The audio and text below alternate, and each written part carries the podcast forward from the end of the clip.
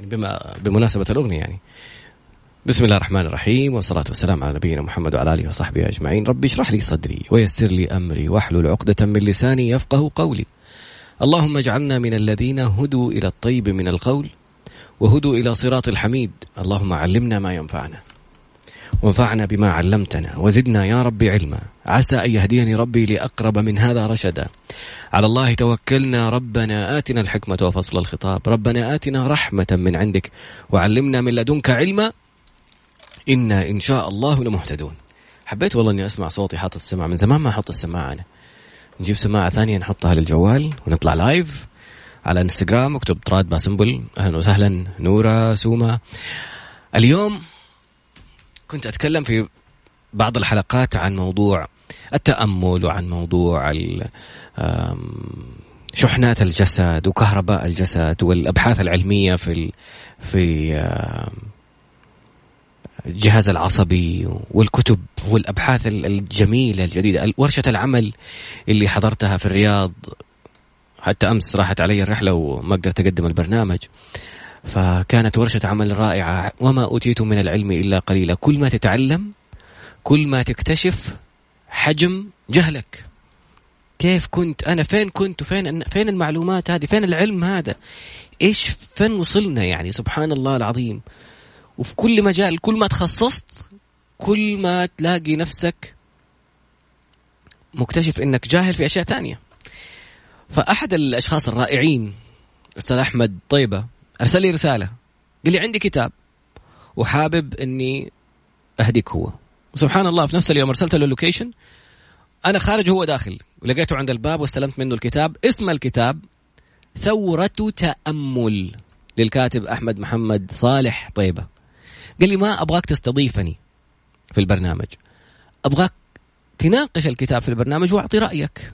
أهلا أهلا بنت الخال كيفك؟ كيف مشروع الجرة؟ يلا. الفقرة القادمة بإذن الله شوف جالس أعلق على الأستاذ عادل عيدان حق صباح العربية دائما يقول يلا يلا وصرت أقول زيه. فالفقرة القادمة بإذن الله نبدأ أول مقدمة الكتاب و خلينا نقرأ له قبل عشان تحفيزا وتحميسا.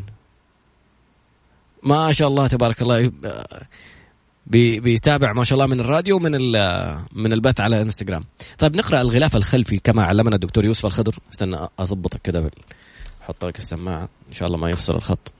أوكي. كما علمنا الدكتور يوسف الخضر يقول لما تبغى تقرأ تقرأ. الله عندما تريد أن تقرأ كتابا افتح الغلاف الأمامي. أنا شكلي إيش؟ والغلاف الخلفي اللي هو نفس يعني المقدمة الكتاب. هذه تجهيزات المفروض طال عمرك تسويها قبل البرنامج مو تجي تسويها على الهواء. okay. okay أم. تقرأ الغلاف الأمامي ثم الغلاف الخلفي ثم المقدمة ثم العناوين ثم نبذه عن الكاتب إذا كان موجود من الكاتب ثم الخاتمة المقدمة والخاتمة عشان تعرف إيش يبغى يقول لك الكاتب في المقدمة. الخاتمة إيش الشيء اللي يبغاك تكون خرجت فيه من الكتاب. العناوين عشان تتعامل مع الكتاب زي ما قال لنا الأستاذ عبد العزيز النويصر تعامل مع الكتاب كأنه دواء. شوف الروشتة. فين فين يوجعك؟ هذا العنوان وجعك؟ ادخل مباشرة. اسم المشروع حق الصبايا في الرياض جارات. وأنا جالس أقول لهم جرة. يعني ما أعرف. الذاكرة طال عمرك. في الفقرة القادمة بإذن الله استمع واستمتع. نقرأ الغلاف الخلفي للكتاب. أهلا دكتورة ماجدة. الخلفي للكتاب أو يعني الغلاف من الخارج من الكتاب. ثورة تأمل الأستاذ أحمد طيبة. مش هاين علي. ثورة تأمل مش هاين علي أخرج من الفقرة بدون ما أقرأ الغلاف الخلفي. أسمع. أخي القارئ أختي القارئة أضع كتابي المتواضع هذا بين يديك عارضا فيه تأملاتي في واقع نعيشه هذه الأيام. بدأت تتضاءل فيه القيم والمبادئ الراقية وتضيع. فقد استبدل الكثير منا هو أدنى بالذي هو خير. فقد استبدل الكثير منا الذي هو أدنى بالذي هو خير. أسرد فيه شيئا من القصص وأبوح بشيء مما خطر على بالي وأثر في حالي تبيانا للحق وإيقاظا من الغفلة واتباعا لسبل الهدى والرشاد وإرضاء لرب العباد ورغبة في إشاعة حب الخير والفضيلة وكره الشر والرذيلة لتكون بيوتنا سعيدة ومجتمعنا مترابطا كالجسد الواحد نهنأ بالعيش فيه ويحب بعضنا بعضا. أحببت أن أعمل عملا ينتفع به غيري في هذه الدنيا قبل أن أرحل عنها. لأن أكون لأن أكون سببا في هدايتك. لأن أكون سببا في هدايتك وسعادتك في دنياك وآخرتك هو أحب إلي من كنوز الدنيا. وهذا يصادق قوله أهلا نوديان يصادق قوله أنه ما أبغى اللقاء ولا أبغى أكون موجود ولا تقول حتى بس إذا كان في إمكانية أنك تناقش محتوى الكتاب مع متابعيك أو متابعي البرنامج. فالفقرة القادمة بسم الله الرحمن الرحيم إن شاء الله. كذا اثنين وخمسة. عدنا مرة أخرى في كتاب ثورة تأمل للأستاذ أحمد محمد صالح. طيبة حبيت ذكره للاسم الرباعي في الكتاب. المحتويات.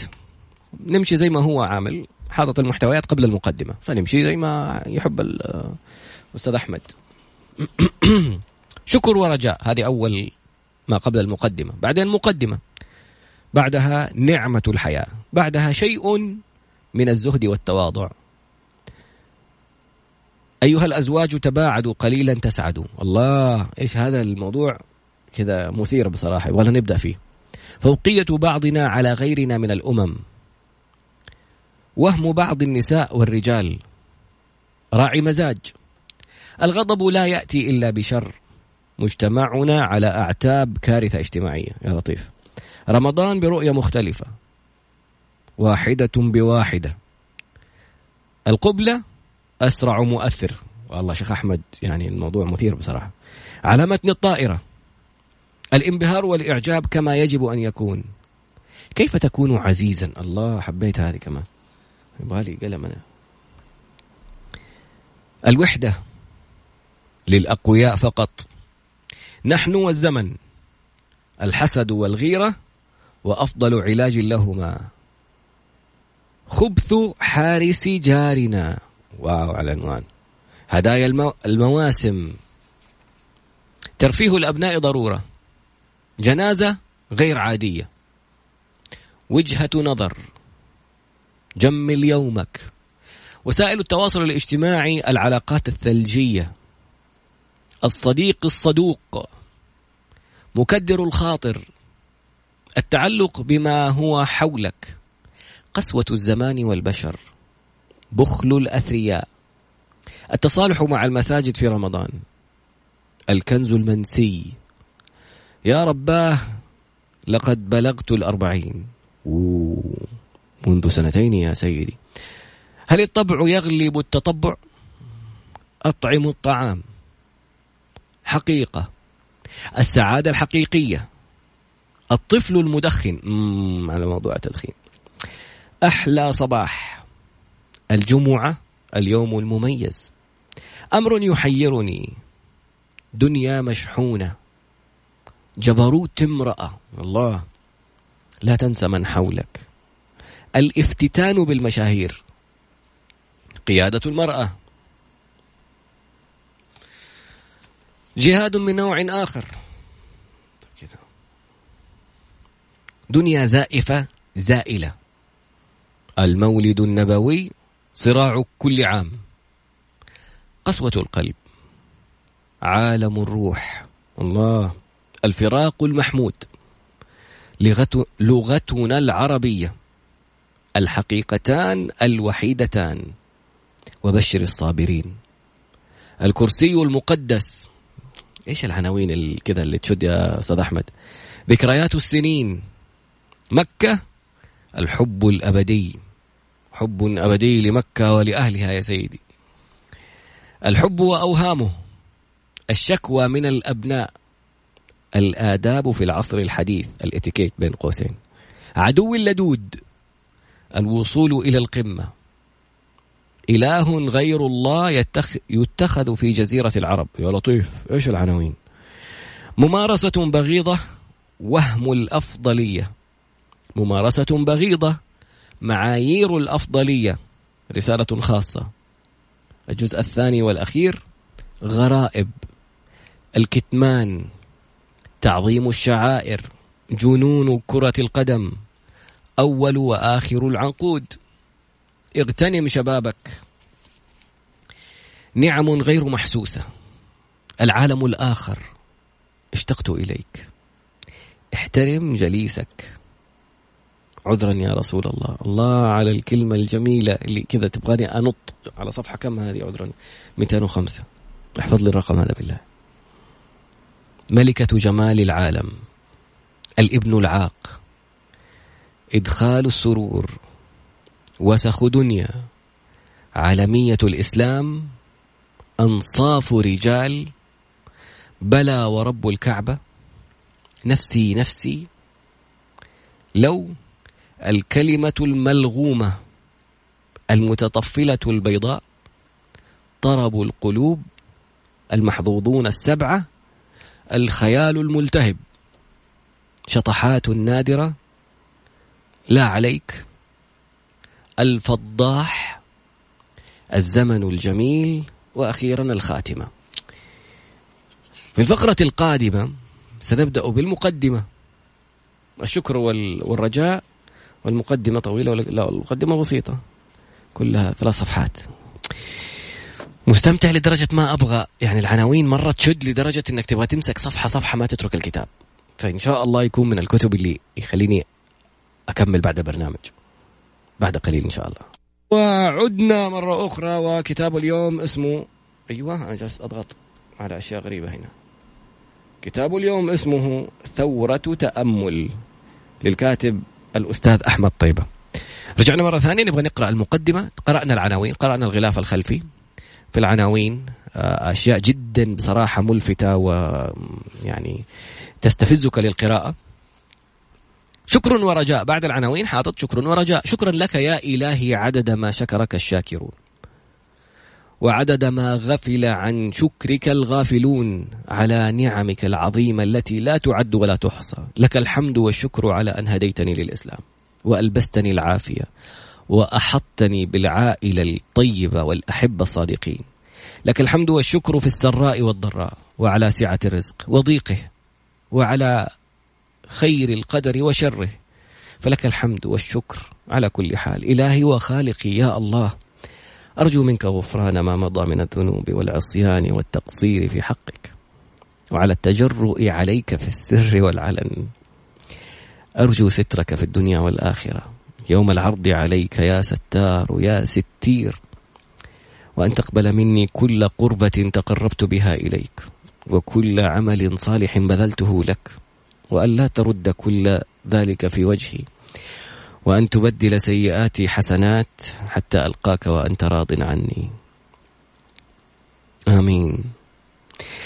شكرا لك يا أمي. فلن أوفيك حقك ما حييت. حملتني في بطنك تسعة أشهر ولم تبالي. أطعمتني وأسقيتني منذ أن كنت في بطنك فقد كنت أشاركك طعامك وشرابك.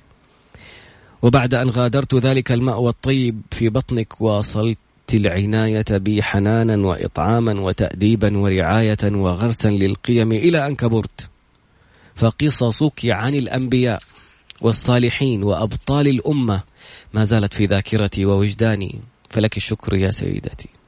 شكرا لك أبي فقد كنت دوما سندا لي وعونا وأمانا وما زلت. أغرقتني بدلالك وحنانك ورعايتك فلك الشكر يا سيدي. رجائي لكما يا والدي الغاليين أن تغفرا لي تقصيري في حقكما وما بدر مني من سوء أدب وأن ترضيا عني تمام الرضا. فلا سعادة ولا فلاح في الدنيا والآخرة إلا برضاكما فهو مقرون برضا الرحمن. الله عليك أحمد. ما شاء الله لا قوة إلا بالله. الله يبارك لك فيهم إن شاء الله ويكسبك رضاهم ويرزقهم برك. مقدمة. الحمد لله فاطر السماوات والأرض مالك الملك هادي الناس إلى سواء السبيل حمدا طيبا كثيرا. يبلغ عنان السماء والصلاة والسلام على سيدنا ونبينا محمد خير الأنام وأحسنهم خلقا و وأحسنهم خلقا وخلقا. صلاة وسلاما دائمين متلازمين إلى يوم الدين. أما بعد لم يدر في خلدي يوما أن أكون كاتبا أو مؤلفا لكتاب ينشر ويقرأه الناس. لا لعدم ثقة بالنفس ولا لشيء آخر سوى أني أجدني لست أهلا لذلك خصوصا إذا كان الأمر تبيانا للحق أو تصحيحا للمفاهيم. إلا أنني أحب تأمل الأمور والسلوكيات والنظر إليهما بعمق ومن زوايا أخرى غير معتادة. أحاول أن أفهم المعنى والمغزى والحكمة من كل فعل وردة فعل مستعينا بالله وكتابه وسنة نبيه. ربما تأملاتي فيها ربما تأملاتي هذه تلامس مشاعر أحدهم تفرج هم آخر تدل من ضل الطريق أو تصادف جرحا فتطيبه وتكون بلسما يخفف من آلامه فتكون النتيجة سعادة وفرحا وأنسا كنت أحدث نفسي قائلا أمن المعقول أن أحيا وأموت ولا أترك لي أثرا ينتفع به غيري في هذه الدنيا؟ آكل وأشرب وأسرح وأمرح دون أن أترك بصمة تؤثر إيجابا في إخوتي في الدين والإنسانية؟ لا وألف لا. لابد أن أعمل عملا ينتفع به الناس خاصة في زماننا هذا الذي طغت فيه الماديات والمؤثرات على كل مناحي الحياة والعلاقات بين الناس. لقد ماتت كثير من القيم وضاعت كثير من المبادئ السامية في عصرنا هذا. تحية لسامية أمي يعني. وأصبحت نظرة الكثير منا سطحية جدا في تقييم الأمور. شعرت بالصدفة أني ربما أكون مؤثرا من خلال بعض المواقف فوقفت مع نفسي الخاطئة وقفة جادة فقلت لها انفضي عنك غبار الغفلة. انفضي عنك غبار الغفلة وانزعي عنك ثوب الكسل والأنانية. إلى متى؟ وأنت لا تهتمين إلا بذاتك. لابد أن تبذلي الخير وأن تحبي لغيرك ما تحبينه لك. وأن ينتقل النفع إلى الغير. لست بارعا في الكتابة ولا أملك فن استخدام ألفاظ اللغة إلا أنني أكتب بإحساس صادق وأحاول جاهدا أن تكون نيتي طيبة صافية. أحببت في حياتي القصيرة مهما طالت في هذه الدنيا أن أترك أثرا ينتفع به الناس أو أبلغ آية عن رسول الله صلى الله عليه وسلم كما أمر أو أنشر فضيلة أو خلقا حسنا فقد تغير القوم. وبدأت الفضائل والقيم النبيلة تتساقط تباعا. والمنجدون الخيرون قلة. وإن وجدوا فالكثير منهم يركزون في نصحهم على أمور من أساسيات الدين. وهي مهمة بلا شك ويتشددون في إلزام الناس بآراء فقهية معينة ولا يلتفتون لآراء فقهاء معتبرين مخالفة لآرائهم فيحجرون على الناس ما هو واسع. وربما يحرمون حلالا من غير قصد ويتنسون أمور المعاملات بين الناس وما يستجد من أمور وربما يغلب على بعضهم الغلظه والشده في زمن نحن أحوج ما نكون فيه إلى الكثير من الرفق واللين من الأزمان الغابرة. وأما المفسدون وناشرو التفاهات فهم كثر وأثرهم على الفتيات والشب على الفتيان والشب وأثرهم على الفتيان والشباب لا يخفى على أحد كسيل جارف يذهب بعيدا بالحياء والأخلاق الحسنة. لن أكون نكرة في هذه الحياة ولا بد من عمل يبقى بعد الرحيل عنها. عمل ينتفع به وما أدراني لعله ينفعني في ذلك اليوم العصيب يوم تعرض فيه أعمالي ويؤتى بكتابي المليء بالخطايا التي اقترفتها والإساءات التي ارتكبتها. فيأتي ذلك العمل فيقبله ربنا سبحانه. فيمحو به الخطايا. يا رب. الله يكتب لك يبلغك يا رب.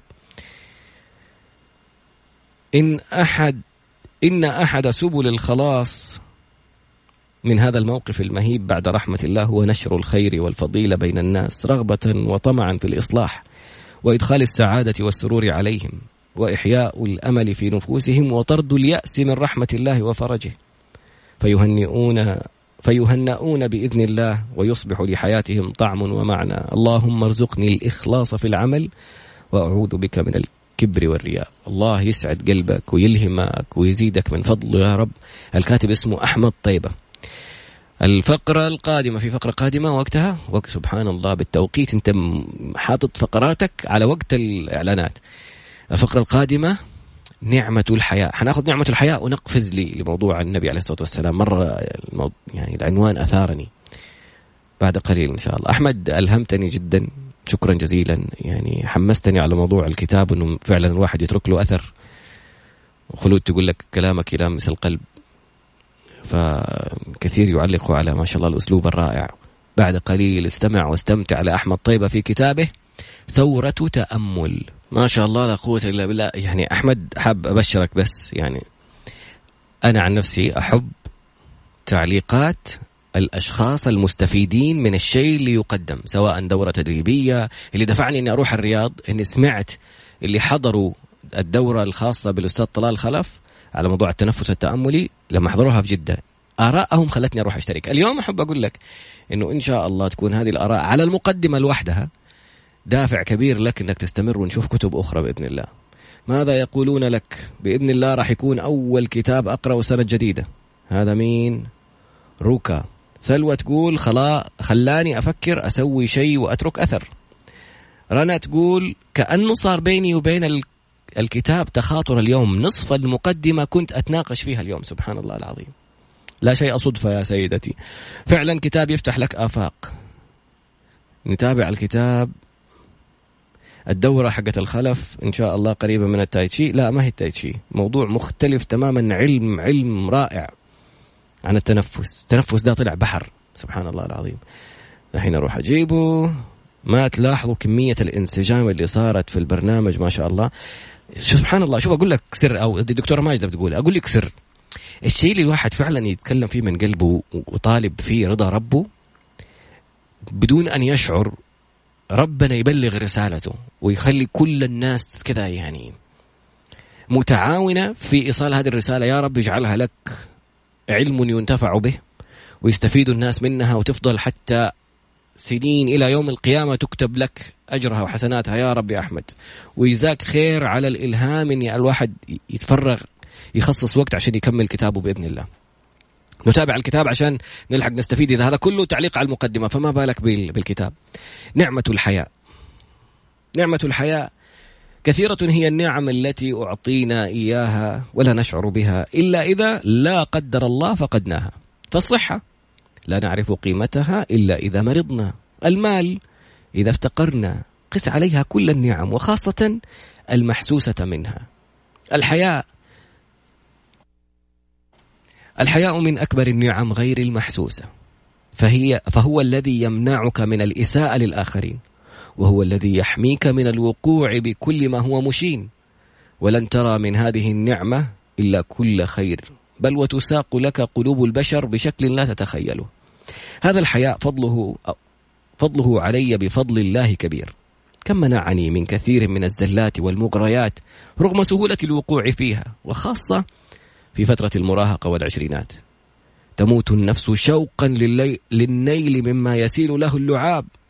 فيأتي هذا الحياء يربت على الكتف ويبرد على القلب فيصرف كل شيء. أسأل الله دوام النعم وأن يتجاوز عن زلاتي وعثراتي التي سترها وما أكثرها. أعرف إيش نفسي أسوي؟ أبى أحط الكتاب قدام الكاميرا حق الجوال عشان ما ما يبان وجهي وأنا أقرأ. كم مرة هذا خارج موضوع الكتاب. كم مرة لم تستحي في خلوتك وأنت تعلم أنه ينظر. جزاك الله خير. عذرا يا رسول الله نقفز على الباب اللي اللي كذا حسيت إني أبغى أبدأ فيه حتى قبل المقدمة. عذرا يا رسول الله. اعتذر إليك يا رسول الله وكل خجل من صنيع أقوام شككوا في كلامك ولم يبالوا به. بل ولم يجعلوه مرجعا لهم ولم يعتبروه مصدرا للتشريع ولتبيان ما أحل الله وحرم. وأصبح كلامك وحديثك بالنسبة إليهم غير موثوق ولا يعول عليه. وتشكيكهم في من نقلوا عنك. وزاعمين أن القرآن هو المصدر الوحيد للتشريع فهو كلام الله. متناسين أن الله سبحانه وتعالى أنزل كتابه عليك وتلقاه صحابتك الكرام من لسانك الطاهر إلى أن عم الأرض كلها ليصل إلينا مكتوبا يسهل على أي إنسان قراءته. أيها الواهمون يا من شككتم في كلام النبي أليس مذكورا في كتاب الله قوله تعالى عن نبينا بعد أن أقسم بأحد مخلوقاته والنجم إذا هوى ما ضل صاحبكم وما غوى وما ينطق عن الهوى إن هو إلا وحي يوحى علمه شديد القوى. فما يجري على لسان نبيه ليس من وحي خياله ولا مما يخطر على باله بل هو من وحي ربه إليه. بل رفعه إليه مغيرا له قوانين الفيزياء والطبيعة كي يكرمه ويخصه بها في رحلة المعراج إلى أن قربه وأدناه منه عند سدرة المنتهى. عندها أوحى إليه ربه ما أوحى. ثم لماذا يرسل الله نبيه محمد إلينا إذن؟ ألم يقل سبحانه وما أرسلناك إلا رحمة للعالمين؟ وهل أحاديثه وكلامه وتعاليمه خاصة بمن عاشوا معه؟ أم لينتفع بها الناس من بعده إلى يوم الدين؟ فاتكم يا من تسمون يا من تسمون بالقرآنيين أن الصلاة والتي هي عمود الدين وثاني أركان الإسلام وأول ما يحاسب عليه المرء وما يتعلق بأركانها وواجباتها وأذكارها لم يشرحها القرآن. بل أحاديث النبي عليه الصلاة والسلام وهي نفس الصلاة التي تلتزمون أنتم ومن سبقكم بها. وكذلك أحكام أركان الإسلام الباقية الصيام والزكاة والحج. فأحكامها وتفاصيلها ستجدها في أحاديث رسول الله. أفلا تعقلون؟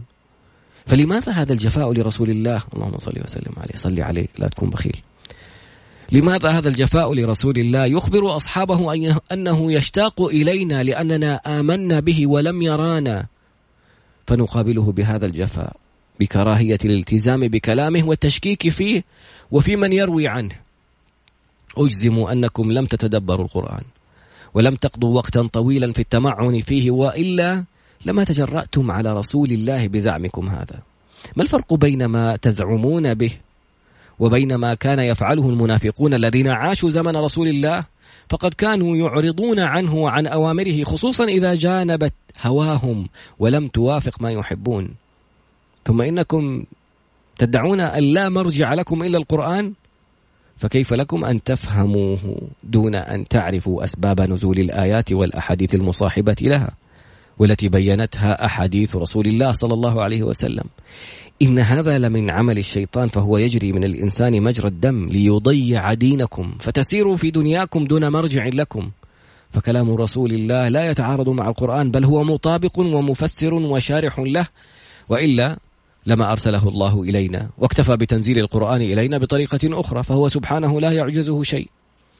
إن إبليس وأعوانه تعهدوا بإغواء البشر حتى يلحقوا به في جهنم وذلك بإيقاعهم في الشهوات والملذات المحرمة. اللهم اصرف عنا سوء الفحشاء. فكيف سيتبعه الناس وهم يطيعون رسول الله ويلتزمون بنهجه؟ فلذلك يملي على أوليائه من الإنس بنشر هذا الفكر الهدام ويوهمهم به كي يقعوا في الموبقات وفيما حرم الله. ولا سبيل إلا ولا سبيل إلى ذلك إلا في التشكيك الناس في كلام رسول الله والتشكيك في رواة وناقلي الأحاديث عنه أو الكذب على رسوله أو بطرق شيطانية أخرى كي يقتنع كي يقتنع الناس بذلك فيسي فيسيرون كالسائر في غسق الليل دون سراج يضيء له طريقه فيتخبط يمنة ويسرى فلا يعرف له طريقا آمنا يسلكه ليبلغ, ليبلغ مأمنه. العجب كل العجب. لمن تعلم العلوم المختلفة خصوصا في زماننا هذا الذي انتشر فيه العلم وسهلت سبل تلقيه في شتى بقاع الأرض. أليس في تلك العلوم الفيزياء والكيمياء والحاسب والفلك والآداب وغيرهما وغيرها مراجع ترجعون إليها من كلام العلماء والمتخصصين الذين قضوا سنين طويلة في البحث والتجربة وتستشهدون بهم وتبنون أفكاركم وأبحاثكم عليها بل ولا يعترف بأبحاثكم هذه إلا بذكر المراجع والنظريات المنسوبة إلى أولئك العلماء الجهابذة. تنزهون هؤلاء وتقدسون آراءهم ونظرياتهم ثم تكذبون وتشككون في علماء الحديث الصادقين الأتقياء الذين قضوا الليالي الطوال وانشغلوا بمطالعة الكتب والسفر إلى الأمصار يوم أن كان السفر قطعة من العذاب لمشقته لكتابة أحاديث رسول الله. والتحقق من صحتها والتوثيق من روات من رواتها بل وصنفوا الرواة حسب عدلهم ومصداقيتهم وقوة حفظهم. وصنفوا تبعا لذلك الأحاديث بين صحيحة وحسنة وضعيفة بل وحتى المكذوبة. وكل هذا حتى لا يك حتى لا يكذبوا على رسول الله فيقعوا في المحظور فينالوا وعيد رسول الله إذ قال من كذب علي متعمدا فليتبوأ مقعده من النار عجبي لكم أيها المتعلمون المثقفون كيف تغيبون المنطق والعقل في أمر في أمر كهذا؟ كيف سولت لكم أنفسكم جفاء رسول الله برأيكم هذا في أحاديثه؟ لعمري إنما أصاب عقولكم هو تلبيس إبليس عليكم واتباع لأهوائكم وما تحدثكم به أنفسكم كي يصبح الحرام حلالا والشهوات مباحات فتشيع الفاحشة وتتقد الغرائز عندها أخشى أن يشملنا قول قوله تعالى إن الذين يحبون أن تشيع الفاحشة إن الذين يحبون أن تشيع الفاحشة في الذين آمنوا لهم عذاب أليم في الدنيا والآخرة. والله يعلم وأنتم لا تعلمون. كم يحزنني ما يحصل من نزاع في الرأي ومناقشات جدلية حول قضايا فقهية بديهية لا تحتاج إلى تعمق في الدين. سببها قلة الدين عند الناس وعدم رجوعهم إلى كلام الله ورسوله.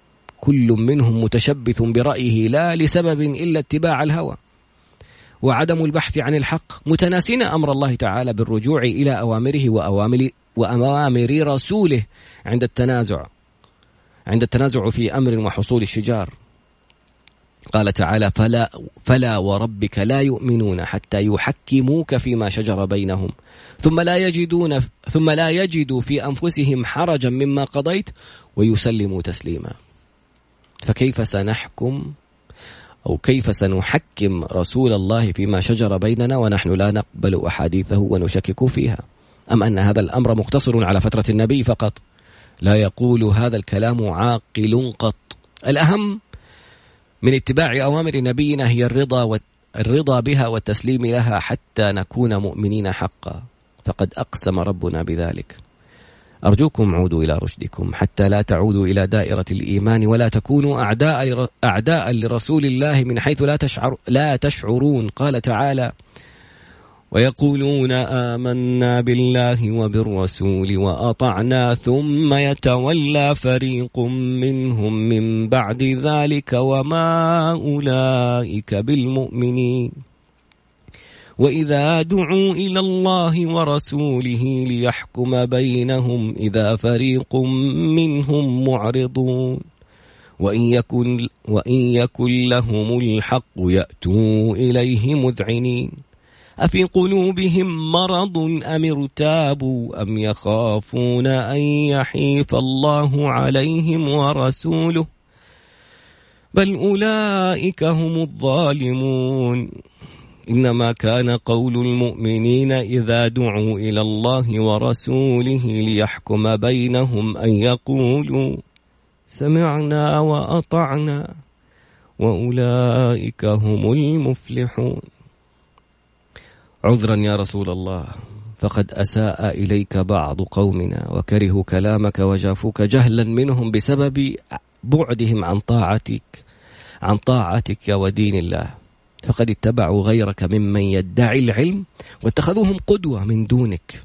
أما القرآن فقد هجروه واستبدلوا به غيره وهم بذلك استبدلوا النور الذي أنزله الله عليك بسواه. وإن قرأوا فقد هجروا تدبره ولم يهتموا كثيرا بغرس حب القرآن في أبنائه بتلاوته وحفظه والعمل بما جاء به. فالشكوى إليك يا الله كما أشتكي نبيك إليك كما اشتكى نبيك إليك من قبل. قال تعالى وقال الرسول يا رب إن قوم اتخذوا هذا القرآن مهجورا. وصدقت يا سيدي يا رسول الله يوم أن تنبأت بحدوث ذلك آخر الزمان إذ قلت بحدوث ذلك آخر الزمان إذ سيعم الجهل ويقل العلم فأخبرتنا بقولك إن الله لا يقبض العلم انتزاعا ينتزعه من الناس ولكن يقبض العلم بقبض العلماء حتى إذا لم يبقي عالما. حتى إذا لم يبقى عالما اتخذ الناس رؤوسا جهلاء.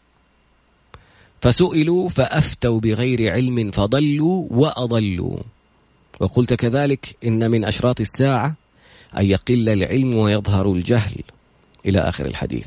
إذا انتشر الجهل بين الناس وكثر الخبث فالخوف كل الخوف أن يهلكنا الله بعذاب من عنده. حتى لو كان بيننا أناس صالحون أتقياء فقد سئل النبي عليه الصلاة والسلام أنهلك وفينا الصالحون؟ قال نعم إذا كثر الخبث. ربنا لا تؤاخذنا بما فعل السفهاء منا. واو. انتهينا؟ الفقرة القادمة في عناوين في الكتاب جميلة جدا وفي مواضيع صفحة وفي مواضيع أكثر من صفحة. اغتنم شبابك. أبغى أشوف في حاجة كان فيها كذا كلمة كف. في الفقرة القادمة أنا أبحث عن عنوان وأرجع لك. لفتني عنوان اسمه الحسد والغيرة وأفضل علاج لهما. بنشوفها أحيانا كثير في في بعض التصرفات. لما نشوف أحد نجح لما نشوف تعليقات بعض الأشخاص على الناس اللي جالسين يصوروا مثلا حياتهم ولا حاجة. واو يا ريت عندي زيه. يا ذكرت قارون. يا ليت لنا مثل ما أوتي قارون. في النهاية سبحان الله لما خسف به وبداره الأرض الناس فاقت. إنه هل هذه هي السعادة؟ الحسد والغيرة وأفضل علاج لهما من كتاب ثورة تأمل للكاتب أحمد طيبة. كل إنسان في هذه الدنيا لا يسلم من أن يكون عرضة لأن يحسد أحدا على نعمة على نعمة أوتيها أو يغار من شيء جميل أو حسن أعطي إياه. وحتى الأتقياء الصالحين لا يسلمون من ذلك. فكل بني آدم يملكون بذور الحسد والغل والغيرة في صدورهم إلا أنهم يتفاوتون في نمو تلك البذور.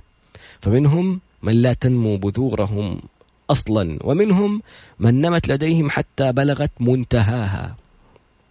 بمعنى أن طيبي النفس وأنقياء السريرة الذين تلهج ألسنتهم دائما بذكر الله وملئت نفوسهم بالرضا بما قسم لهم. تكون تلك البذور خاملة خامدة ليس كما يكون البركان. لا تكون تلك البذور خاملة خامدة لديهم كما يكون البركان خامدا. فلا تخرج من صدورهم حمم الحسد والغيرة الحارقة التي تحرق صدورهم وتؤذي غيرهم بل وتقتلهم أحيانا. أما من حرم الرضا بما قسم الله ولم يقنع بما رزقه إياه تجده قليلا ما يذكر ما يذكر ربه. كثير النظر لما في أيدي الناس يغلي صدره قهرا وحسرة على ما يملكه غيره ويحسدهم على ما أتاهم الله من فضله. وأحسن ما يعالج, يعالج به المرء قلبه ويصون به صدره من آفة الغل والحسد والغيرة هو الاستعانة بالله على ذلك. ثم أن لا يكثر النظر إلى ما في أيدي الناس وخاصة من يفوقه مالا ونعما وأن يبادر فورا عند رؤية تلك النعم بالدعاء بالبركة لصاحبه أمامه فذلك يبعث الطمأنينة في نفسه في نفسه ونفس صاحب النعمة. وكذلك الدعاء له بظهر الغيب كما هو مؤثر في النفس أو مؤثر في النفس للغاية أن تدعو لأخيك بظهر الغيب مرات عدة. فهو بمثابة كس سكب الماء على النار تطفئ شعلة الغيرة والحسد التي في صدرك بأسرع ما يكون. ناهيك عن تأمين الملائكة على دعائك بل وتدعو لك بأن تعطى مثله. مثل ما دعيت يعني. أليس هذا بأنجح وأنجع دواء للحسد والغيرة بعد الاستعانة بالله لكي تكون سليم الصدر وطيب النفس تجاه الناس؟ بل وتكافئ وتكافأ بنفس النعمة لاحقا. بلى ورب الكعبة. مواضيع متفرقة وجميلة جدا. ترفيه الأبناء ضرورة. بسوي حركة. في ناس كانوا كذا يفتح القرآن يشوف له أي صفحة اللي فتح عليها عشان يعني يقول هذه حظه من الآيات. فإحنا نسوي نفس الفكرة بس نفتح الكتاب حق ثورة تأمل للكاتب أحمد طيبة. فطلع معايا صفحة 156 ممارسة بغيضة. معايير الأفضلية. رسالة خاصة الجزء الثاني والأخير. يعني هي جزئين مفروض معايير بيضة بس ما شاء الله هذا الباب يعني العنوان في يمكن أربع خمسة صفحات. 1 2 3 4 5 6 7 سبع صفحات. هل نأخذها أم نأخذ من الصغائر؟ يعني الأشياء كذا المختصرة. بعد قليل إن شاء الله. خلينا نشوف لي عنوان من العناوين اللي لفتتني أول. عدنا في فقرتنا الأخيرة لكتاب الأستاذ أحمد طيبة كتاب اسمه ثورة تأمل. لفتني موضوع الحب وأوهامه. فقلت ليش مسميه وهم طيب؟ ف عشان لا نغلط غلطة الأسبوع الماضي أخذنا كتاب الأستاذة نوف وجالسين نعلق على الكتاب ولا أتفق وأتفق. بعدين ردت علي في الخاص وأرسلت لي رسائل إنه هذا كان قصدي كذا وهذا كان قصدي كذا. قلت لها والله أنا آسف ما, ما فهمت القصد. لو تسمحي لنا هي بتقرأ الآن كتاب السماح بالرحيل كتاب شهير جدا ومعروف قلت لها خلص الكتاب وتعالي شاركينا أفكار الكتاب إيش استفدتي منه وفي نفس الوقت يعني نترك المجال للرد عشان تعطينا رأيك فحبت الفكرة فإن شاء الله ممكن نلاقيها آه، يعني في الفقرة آه، في الفقرة الأسبوع القادمه واللي بعده إن شاء الله. الحب وأوهامه لكتاب للكاتب أحمد طيبة في كتابه ثورة تأمل. الحب هو من أعظم نعم الله علينا، هو الذي يعطي للحياة قيمة ولذة، فهو غذاء الروح وسكر الحياة، ومن دونه نصبح كالموتى الذين لا زالت قلوبهم تنبض. للحب أشكال شتى وأعظمه بعد حب الله ورسوله هو حب الوالدين وخصوصا الأم وألذها حب الزوجة ثم حب الأبناء ويليهم أنواع أخرى. حب الوالدين بالذات الأم يجب أن لا يساويه ولا ينافسه حب آخر، فهو اعتراف بالفضل لصاحب الفضل عليك منذ أن خلقت فلا يل فلا يلهينك حب آخر مهما كان. أهل مكة عندهم مثل بس ما ينفع ينقال على الهواء. فلنحب والدينا بشكل مختلف أقصد أن نصل لدرجة الاستمتاع بخدمتهما وطاعتهما أن نفرح لفرحهما ونسعى لإرضائهما مهما كان العمل المؤدي إلى ذلك صغيرا.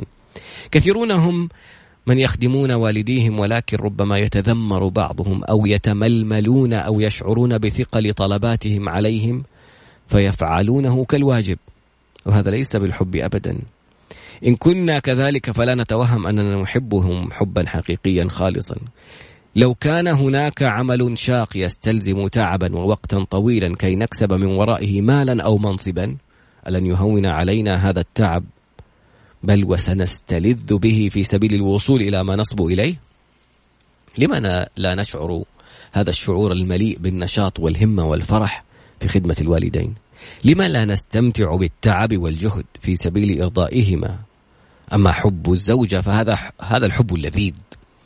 ففي حبها سكن وسكينة وفي قربها تهون كل الشدائد والهموم وضغوطات الحياة. عليك أيها الزوج بطيب الكلام معها وتلبية طلباتها المعقولة. ولا تبخل عليها بوقتك فتنشغل عنها بقضاء الأوقات الطويلة في المقاهي والاستراحات مع أصدقائك شبه يوميا. ففي جلوسك معها أنس وكلامك معها ود. كونك زوج لا يعني أن توفر لها سكنا أو تغدق عليها مالا. فإن كنت كذلك فلا تتوهم أنك تحبها أو أنك أديت المفروض عليك. لا طفها لا تبخل عليها بمغازلتها. إن شربت من كأس واكتفت منه فاشرب من كأسها ومن نفس المكان الذي ال التي شربت منه. أطعمها وأسقها من يديك. أعنها في بعض الأعمال في بعض أعمال المنزل خصوصا في مرضها وتعبها. شاركها فيما تحب. وإن تحدثت إليك فاستمع وأنصت وإن لم يعجبك كلامها. كل ما سبق فنون التعامل مع الزوجة أو ما يسمى بالرومانسية التي يصطنعها الإعلام ولا يتحلى بها إلا القليل في الحقيقة كان يفعلها نبينا محمد صلى الله عليه وسلم مع زوجاته. رغم المهمة الشاقة التي انشغل وكلف بها من حمل حمل للرسالة وتبليغها وأنت وأنت أيتها الزوجة الفاضلة. تفنني في التودد إلى زوجك. واكسبي رضاه. فلا تعامليه معاملة الند للند. وإذا أساء إليك لا تردي عليه إساءته. ولا تثقلي عليه بكثرة الطلبات المادية غير المنطقية. وخصوصا الكماليات. فكونه زوجا لا يعني أنه مصرف متنقل. لا تسيئي إليه في الكلام وأعطيه احترامه وتقديره. لا تنسي فضله عليك في لحظة غضب. فتنسي إحسانه إليك طوال حياته معك وتقولي له ما رأيت منك خيرا قط واحذري هذه الصفة بالذات هي التي تزل بها أقدام النساء يوم الحساب حبك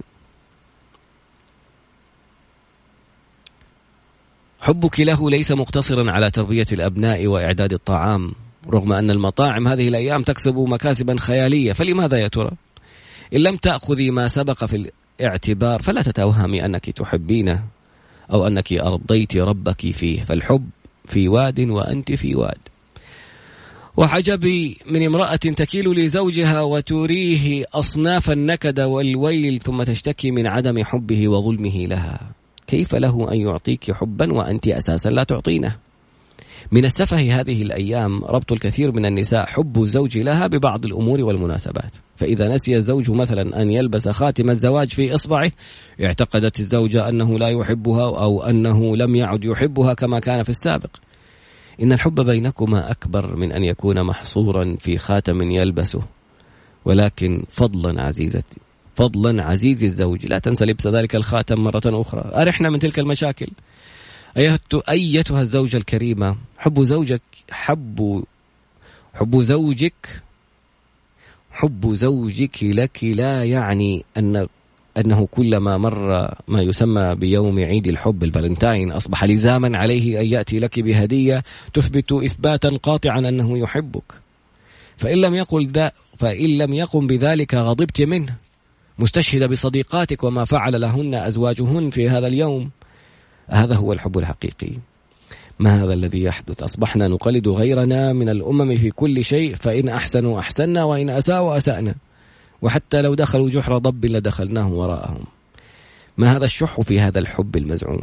الحب بينكما لا يكون محصورا في يوم معين بل يجب أن يكون كل يوم يجري في دمائكم وتنبض به قلوبكم وتبذله جوارحكم.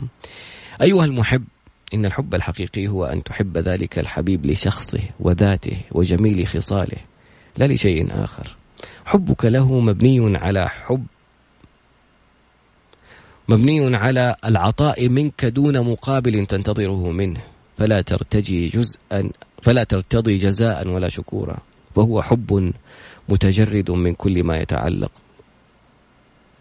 حب متجرد من كل ما يتعلق بالدنيا. الحب الحقيقي الذي يسعد به المحبون الذي تشتعل به القلوب فرحا لا حسرة هو الذي يكون متبادلا بينهم. وإلا لما أصبح حبا بل أنانية من أحدهما. قل هذا الحب في أيامنا هذه ولكن ما زال موجودا وإن ندر بقي شيء؟ باقي ثلاث دقائق. نشوف لنا موضوع ثاني كان في أحد المواضيع. ريتني حطيت عليه. آه هذه فيها كف. أنصاف رجال 232 الله أكبر. فتحت الصفحة جت عليها على طول. ما شاء الله. بركة بركة يا أستاذ أحمد. أنصاف رجال إن الرجولة ليست بوجود شارب يعلو شفتين. أو صوت جهوري خشن. أو بالطول الفارع والعضلات. وليست بقوة سيطرتك وتحكمك بمن حولك. أو بمن تعول خصوصا النساء إن الرجولة هي أن تكون صاحب موقف ومبدأ وصاحب خلق رفيع. الشهامة والمروءة هي أهم ما تميزك. تغيث الملهوف وتعين المحتاج وتنصر المظلوم وتوقف ظلم الظالم وهذا هو نصره. وتدخل السعادة على الحزين وتجبر بخاطر صاحب المصيبة المجروح المكلوم. الرجولة أن لا تعتدي على الضعيف المسكين وتستغل ضعفه وحاجته فتج فتتجبر وتتكبر عليه بعد وتتكبر عليه بل أن ترحم ضعفه وتجبر خاطره حتى لو أخطأ. بل توجهه وتدله على الصواب وكفى. ذات مرة كنت عائدا من البقالة إلى منزلي فوجدت رجلا في الحي المجاور للبقالة على ما يبدو أنه في آخر عقده الخامس. أو بداية السادس. يعنف عامل نظافة ممسكا بملابسه ويجذبه إليه بقوة وهو يصرخ في وجهه. سارعت الخطى إليه موبخا إياه محذرا له من خطورة وإثم التعدي على الضعفاء والمساكين. كانت هيئة الرجل الرجل وملامحه وطريقة كلامه تدل على شخصيته المتهورة المتجبرة. ولكن الحمد لله أن خلص الله ذلك المسكين منه. موقف آخر مشابه فاجأني يوم كنت سائرا بسيارتي ووجدت رجلا عجوزا ينزل من سيارته ليعتدي على عامل كان يلصق يلصق على العمائر بعض المنشورات الدعائية التي تخص محله الذي يعمل به. قلت له يا عم أنا مثل أنا مثل ابنك ولكن لا يجوز لك أن تعتدي عليه. ربما إلصاق المنشورات أمر مزعج لصعوبة إزالتها ويستلزم تنبيه العامل وتوبيخه عليها ولكن ليس الاعتداء عليه. يبدو أن كل المعت... أن كل المعتديين الاثنين قد فهموا الرجولة بشكل خاطئ.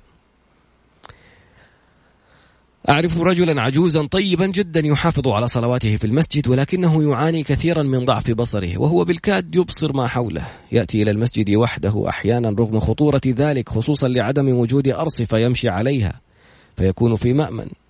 وأحيانا أخرى يوصله بعض الجيران ذهابا وإيابا. وبعد فترة من بداية معرفتي به تفاجأت بوجود ابن شاب لهذا العجوز ويعيش معه في نفس البيت.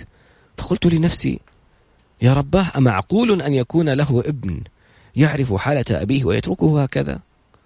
تعازي الحارة لك أيها الابن على رحيل رجولتك وموتها. في قصة بعدها بس الوقت انتهى. كتاب اليوم كان اسمه ثورة تأمل للكاتب الأستاذ أحمد محمد صالح. طيب شكرا أستاذ أحمد على الكتاب الجميل وفي عناوين أخرى وأشياء جميلة لفتتني ما أسعفنا الوقت لقراءتها. سبحانك اللهم وبحمدك أشهد أن لا إله إلا أنت أستغفرك وأتوب إليك. نراك غدا في قصة نجاح ممتعة. في أمان الله.